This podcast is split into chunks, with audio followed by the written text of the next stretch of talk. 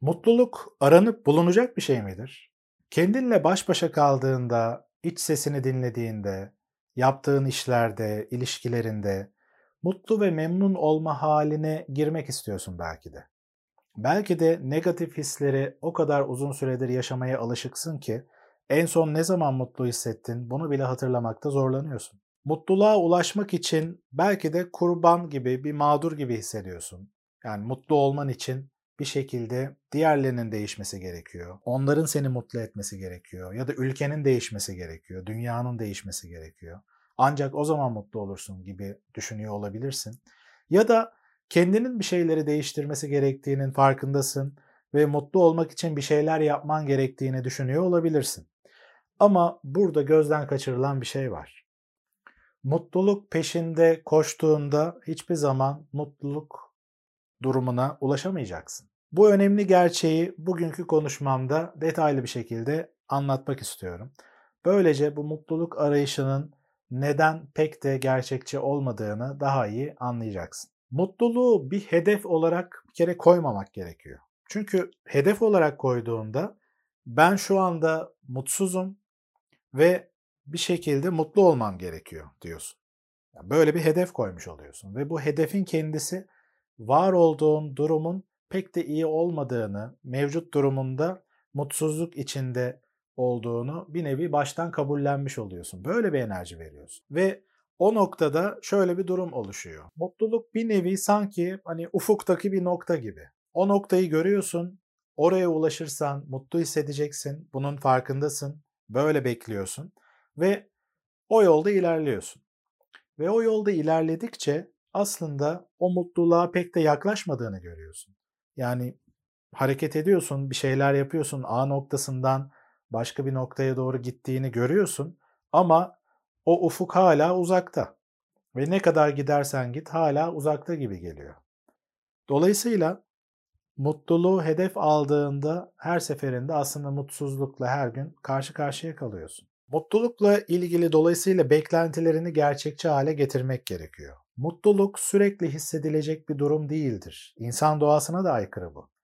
İnsan doğasında mutlulukla alakalı pozitif hislerin yanında işte öfke, üzüntü, kaygı, e, hayal kırıklığı, suçluluk, utanç gibi belli duygular da vardır.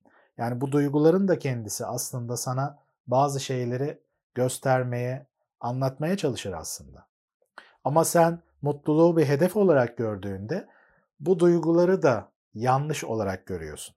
Olmaması gereken bir mutsuzluk kaynağı olarak görüyorsun. Her ne olursa olsun mutluluk ulaşılacak bir şey değildir. Fark edilecek bir şeydir. Mutluluk diğer duygular gibi sana belli mesajlar vermeye çalışır. Yani karşılanan ve karşılanmayan ihtiyaçlarınla alakalı ipuçları verir. Özellikle karşılanan ihtiyaçları. O an ne yaptıysan bu bana iyi geldi, güzel geldi. Bunu aynı şekilde yapmaya devam et. Aynı yerlerde bulunmaya, aynı davranışlar içinde olmaya devam et diyen bir sestir aslında. Ve çok kıymetli bir ses. O yüzden de zaten farkında olduğun ve iyi olduğunu hissettiğin, güçlü olduğun yönlerini, sahip olduğun şeyleri fark ettiğinde o anda zaten mutluluğu hissetmeye açıksın, hazırsın ve o duygu zaten kendiliğinden gelecektir. Bunu aslında bir nevi şükretme de diyebiliriz. Şükrettiğinde sahip olduklarına ya da yaptığın şeylere yönelik aslında bir memnun olma hali içine girersin. Bunlardan dolayı mutlu olduğunu, iyi hissedebileceğine kendine telkin edersin. Fark edersin daha doğrusu. Ve o duygular kendiliğinden gelir. Neredeyse tüm büyük dinlerde şükretmenin aslında önemli olduğu hep vurgulanır. Güncel bilimsel çalışmalarda da sahip olduklarından dolayı şükreden kişilerin, memnun olan kişilerin yani bunları düşünmeye zaman ayıran kişilerin daha mutlu oldukları, kendilerini daha iyi hissettikleri görülmüş. Dolayısıyla var olanı olduğu haliyle görmede bunun pozitif taraflarını ve gerçekten iyi yaptığın şeyleri de fark etmek önemli. Hani zaten var üzerinde düşünmem gerekiyor demeden bunu fark etmek. İşte o anda zaten mutluluk duygusunu fark ediyorsun. Peki ne oluyor da mutluluğu hissetmekte bu kadar zorlanıyoruz? Bir şekilde hani mutluluk arayışı içine giriyoruz. Bizi buna iten şey nedir? Bunu anlaman için duyguların doğasına biraz girmen faydalı olabilir. Çünkü duygulara nasıl baktığında sorunun kendisini oluşturuyor. Az önce de söylediğim gibi mutluluk gibi duygular senin ihtiyaçlarının ne kadar karşılandığını, ne kadar karşılanmadığını gösteren işaretlerdir. Olumlu duygulara odaklandık hani mutluluk, neşe gibi. Bunlar aslında seni iyi hissettiren doğrudan duygular. Diğer taraftan seni kötü hissettiren duygular var. Ve bu kötü hissettiren duygular aslında sana bir şeyler söylemeye çalışır. Şimdi bunun adına kötü diyoruz ama şimdi kötü dediğimizde çünkü olmaması gerekir. Hani bu olmasın, hep iyi şeylerle kalalım gibi bir beklenti oluyor. Yani burada aslında dilin kendisi, bu kullandığımız kavram ekstra bir sorun yaratıyor. O zaman ne diyorsun kendine? Hani öfke hissetmeyeyim. Ama öfke hissediyorsan eğer haksızlığa uğruyorsun demektir. Ya da böyle olduğunu düşünüyorsun. Bir şekilde bir sinyal geliyor. Hakkını ara, bir şeyler yap. Mesela kaygı hissetmeyeyim. Bu kötü bir duygu. Mutsuzluk hissettiriyor bana diyorsun belki de. Ama kaygı sana ortada bir tehlike olabilir ya da bir tehlike var. Bu konuda önlem al, bir şeyler yap diyen bir sestir aslında. Diyelim ki üzüntü hissediyorsun ve bu da seni mutsuz hissettiriyor. Ama üzüntü sana bir şekilde bir şeyleri kaybettiğini, senin için önemli olan şeyleri kaybettiğini ya da kaybetme konusuyla karşı karşıya olduğunu ya da kaybetsen ne olurduyu sana hissettiren bir şey aslında. Ve o üzüntü hissi çok kıymetli. Senin için neyin değerli olduğunu sana gösteren bir işaret. Şimdi bunlara kötü diyebilir miyiz bu işaretlere? Bunların her birinin bir işlevi var. Bu duygular sana ihtiyaçlarının karşılanması konusunda uyanık olmanı sağlıyor ve ciddiye almanı sağlıyor. Yani sadece tespit etmiyorsun. Çünkü o duygular tamam fark ettin diyelim ki hani bu ihtiyacım karşılanmadığı için. Hani örnek veriyorum ilişkide diyelim ki hayal kırıklığına uğradın ve kendi isteklerini yeterince ifade etmediğin için bir taraftan anlaşılmıyorsun e, ve ait hissetmemeye başladın artık ilişkiye. Şimdi bu gelen duygular o öfke, üzüntü, hayal kırıklığı sana daha açık ol, bir şeyleri ortaya koy, ifade et diyen bir işaret. Eğer sen bunları yapmazsan bu duygular gelmeye devam eder. Yani tırnak içinde mutsuz duygular, negatif, kötü duygular gelmeye devam eder. Şimdi ama bunlara kötü diyebilir miyiz? Bunların çok kıymetli işlevleri var. Ama tabii ki bunları kötü dediğimizde o zaman şöyle bir nokta içine giriyoruz. Bambaşka yerlere çekmiş oluyoruz kendimizi. İşte bunlar bir bozukluktur, sorundur, kusurdur, eksikliktir. Hatta bir hastalık bunlar. Yani kaygı duygun varsa bende anksiyete bozukluğu, kaygı bozukluğu var. İşte öfkeli duygularım varsa yeri geldiğinde bunları yaşıyorsam belki de bende kişilik bozukluğu var. Ya da işte üzüntü hissi hissediyorsam, arada çökkünlük duygularım geliyorsa kesin ben depresyondayım gibi tanı kriterleriyle meşgul oluyor birçok kişi. Ve o zaman ne oluyor? Hani bu duygular eşittir kötü, hastalık, bozukluk demektir ve bunların ortadan kaldırılması lazım. Kafasıyla bakıyorsun. Bunu psikolojik güçlüklere hastalık demek neden pek doğru değildir konuşmamda detaylı anlatmıştım.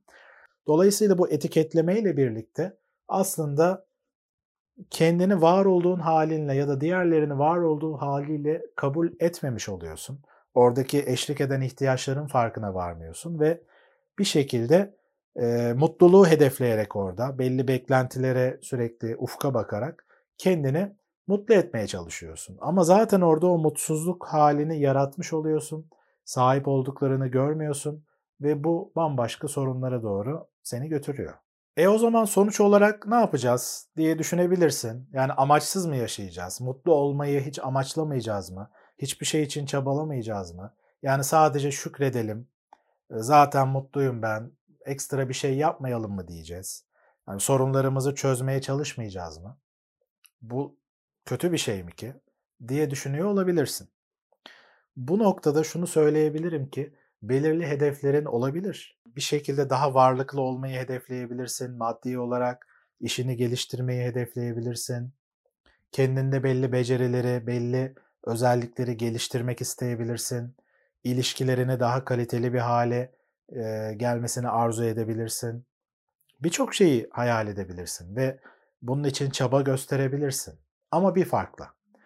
bu konularda adım atıyorken zaten var olduğun halinde mutlu olabileceğin şeylere sahip olduğunu, güçlü özelliklerin olduğunu, sahip olduğun güçlü kaynakların olduğunu fark etmen lazım. Hiç öyle şeyler yok ama diyebilirsin belki de ama bunu diyen çoğu kişi de çoğu zaman gözden kaçırılan noktalar olduğunu görüyoruz. Yani İlla ki şükredecek bir şey çıkıyor. Bunların farkında olman ve zaten var olduğun halinde hani mutlulukla temas kurabileceğini, zaten mutlu olabileceğini hissetmen. Bu noktada belli hedefler doğrultusunda hareket etmek seni daha mutlu etmek için değil, hayatını daha zenginleştirmek, daha kaliteli hale getirmek, potansiyelini daha çok ortaya koymak, belki o mem- memnuniyet hissini yaşadığın alanların sayısını daha da artırabilmek, daha doğrusu bunu daha kolaylaştırabilmek için diyebiliriz. Yani belli amaçlar doğrultusunda hareket ediyorken kendi kişisel gelişim sürecinde de belli sorunlarla belki başa çıkmaya çalışıyorken ki başa çıkma derken de yine negatif bir anlam var içinde belki. Belki kendini daha olgunlaştırmaya çalışıyorken, hayatı daha çok öğrenmeye, kendini daha çok tanımaya çalışıyorken de aynı anda memnuniyet ve mutluluk hislerini bu sürece yedirebilirsin. Bunun için dikkat etmen gereken birkaç şeyden bahsedebilirim. Özellikle kararlılıkla yolda devam etmek önemlidir. Ve bu kararlılıkla devam ediyorken ihtiyaçların ne derece karşılanıyor, karşılanmıyor, hangi duyguların eşlik ediyor, bu duyguların mesajlarını yeterince iyi şekilde alabiliyor musun? Bu konularda uyanık olman lazım. Kendini takip etmen gerekiyor. İkinci olarak bunları yapıyorken sahip olduğun güçlü özellikleri fark et, çabalarını takdir et. Yani kendi kendini takdir et. Çünkü kolay bir şey yapmıyorsun. Bunları üzerinde kafa yormak, bir yolda ilerlemek gerçekten kolay bir şey değil. Belki azimli olmanı, işte e, ilişkilerde dürüst olman, özverili olman, kararlı olman, belki sahip olduğun entelektüel düzeyi, rasyonel düşünme kapasiteni, bunun dışında empatik olman gibi belirli aslında özelliklerin var. Bu özelliklerini fark et, bu özelliklerin doğrultusunda hareket ettiğini e, kendine göster ve bu çabalarından dolayı da kendini takdir et. Bunun dışında dışarıdan gelen takdirler konusunda da uyanık ol.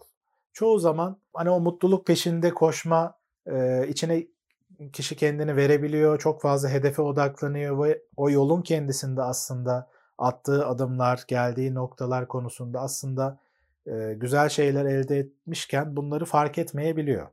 Bir başkası bunu fark edip e, seni onayladığında, takdir ettiğinde bu takdirleri de al. Hani bunları karşıla. Ya o kadar da büyütülecek bir şey yok deme. Teşekkür et ve karşıla. Ve gerçekten de dışarıdan da eğer belli gelişmeler görülüyorsa hakikaten iyi yoldayım diye kendini takdir etmen önemli. Çünkü içsel ya da dışsal bir şekilde kendini takdir etmediğinde, motive etmediğinde, var olduğun halden memnun olma konusunda e, farkındalığını yükseltmediğinde o zaman mutsuzluk bir gölge gibi senin peşinden e, takip edecek aslında seni. Alex Trebek'in bir sözüyle bugünkü konuşmamı bitireyim. Mutluluğun formülü isteklerine ulaşmak değil, ulaştıklarını istemektir. Bugünkü konumuzla alakalı aklına takılan noktaları, düşüncelerini, deneyimlerini aşağıdaki yorumlar bölümünde paylaşabilirsin. Görüşmek üzere.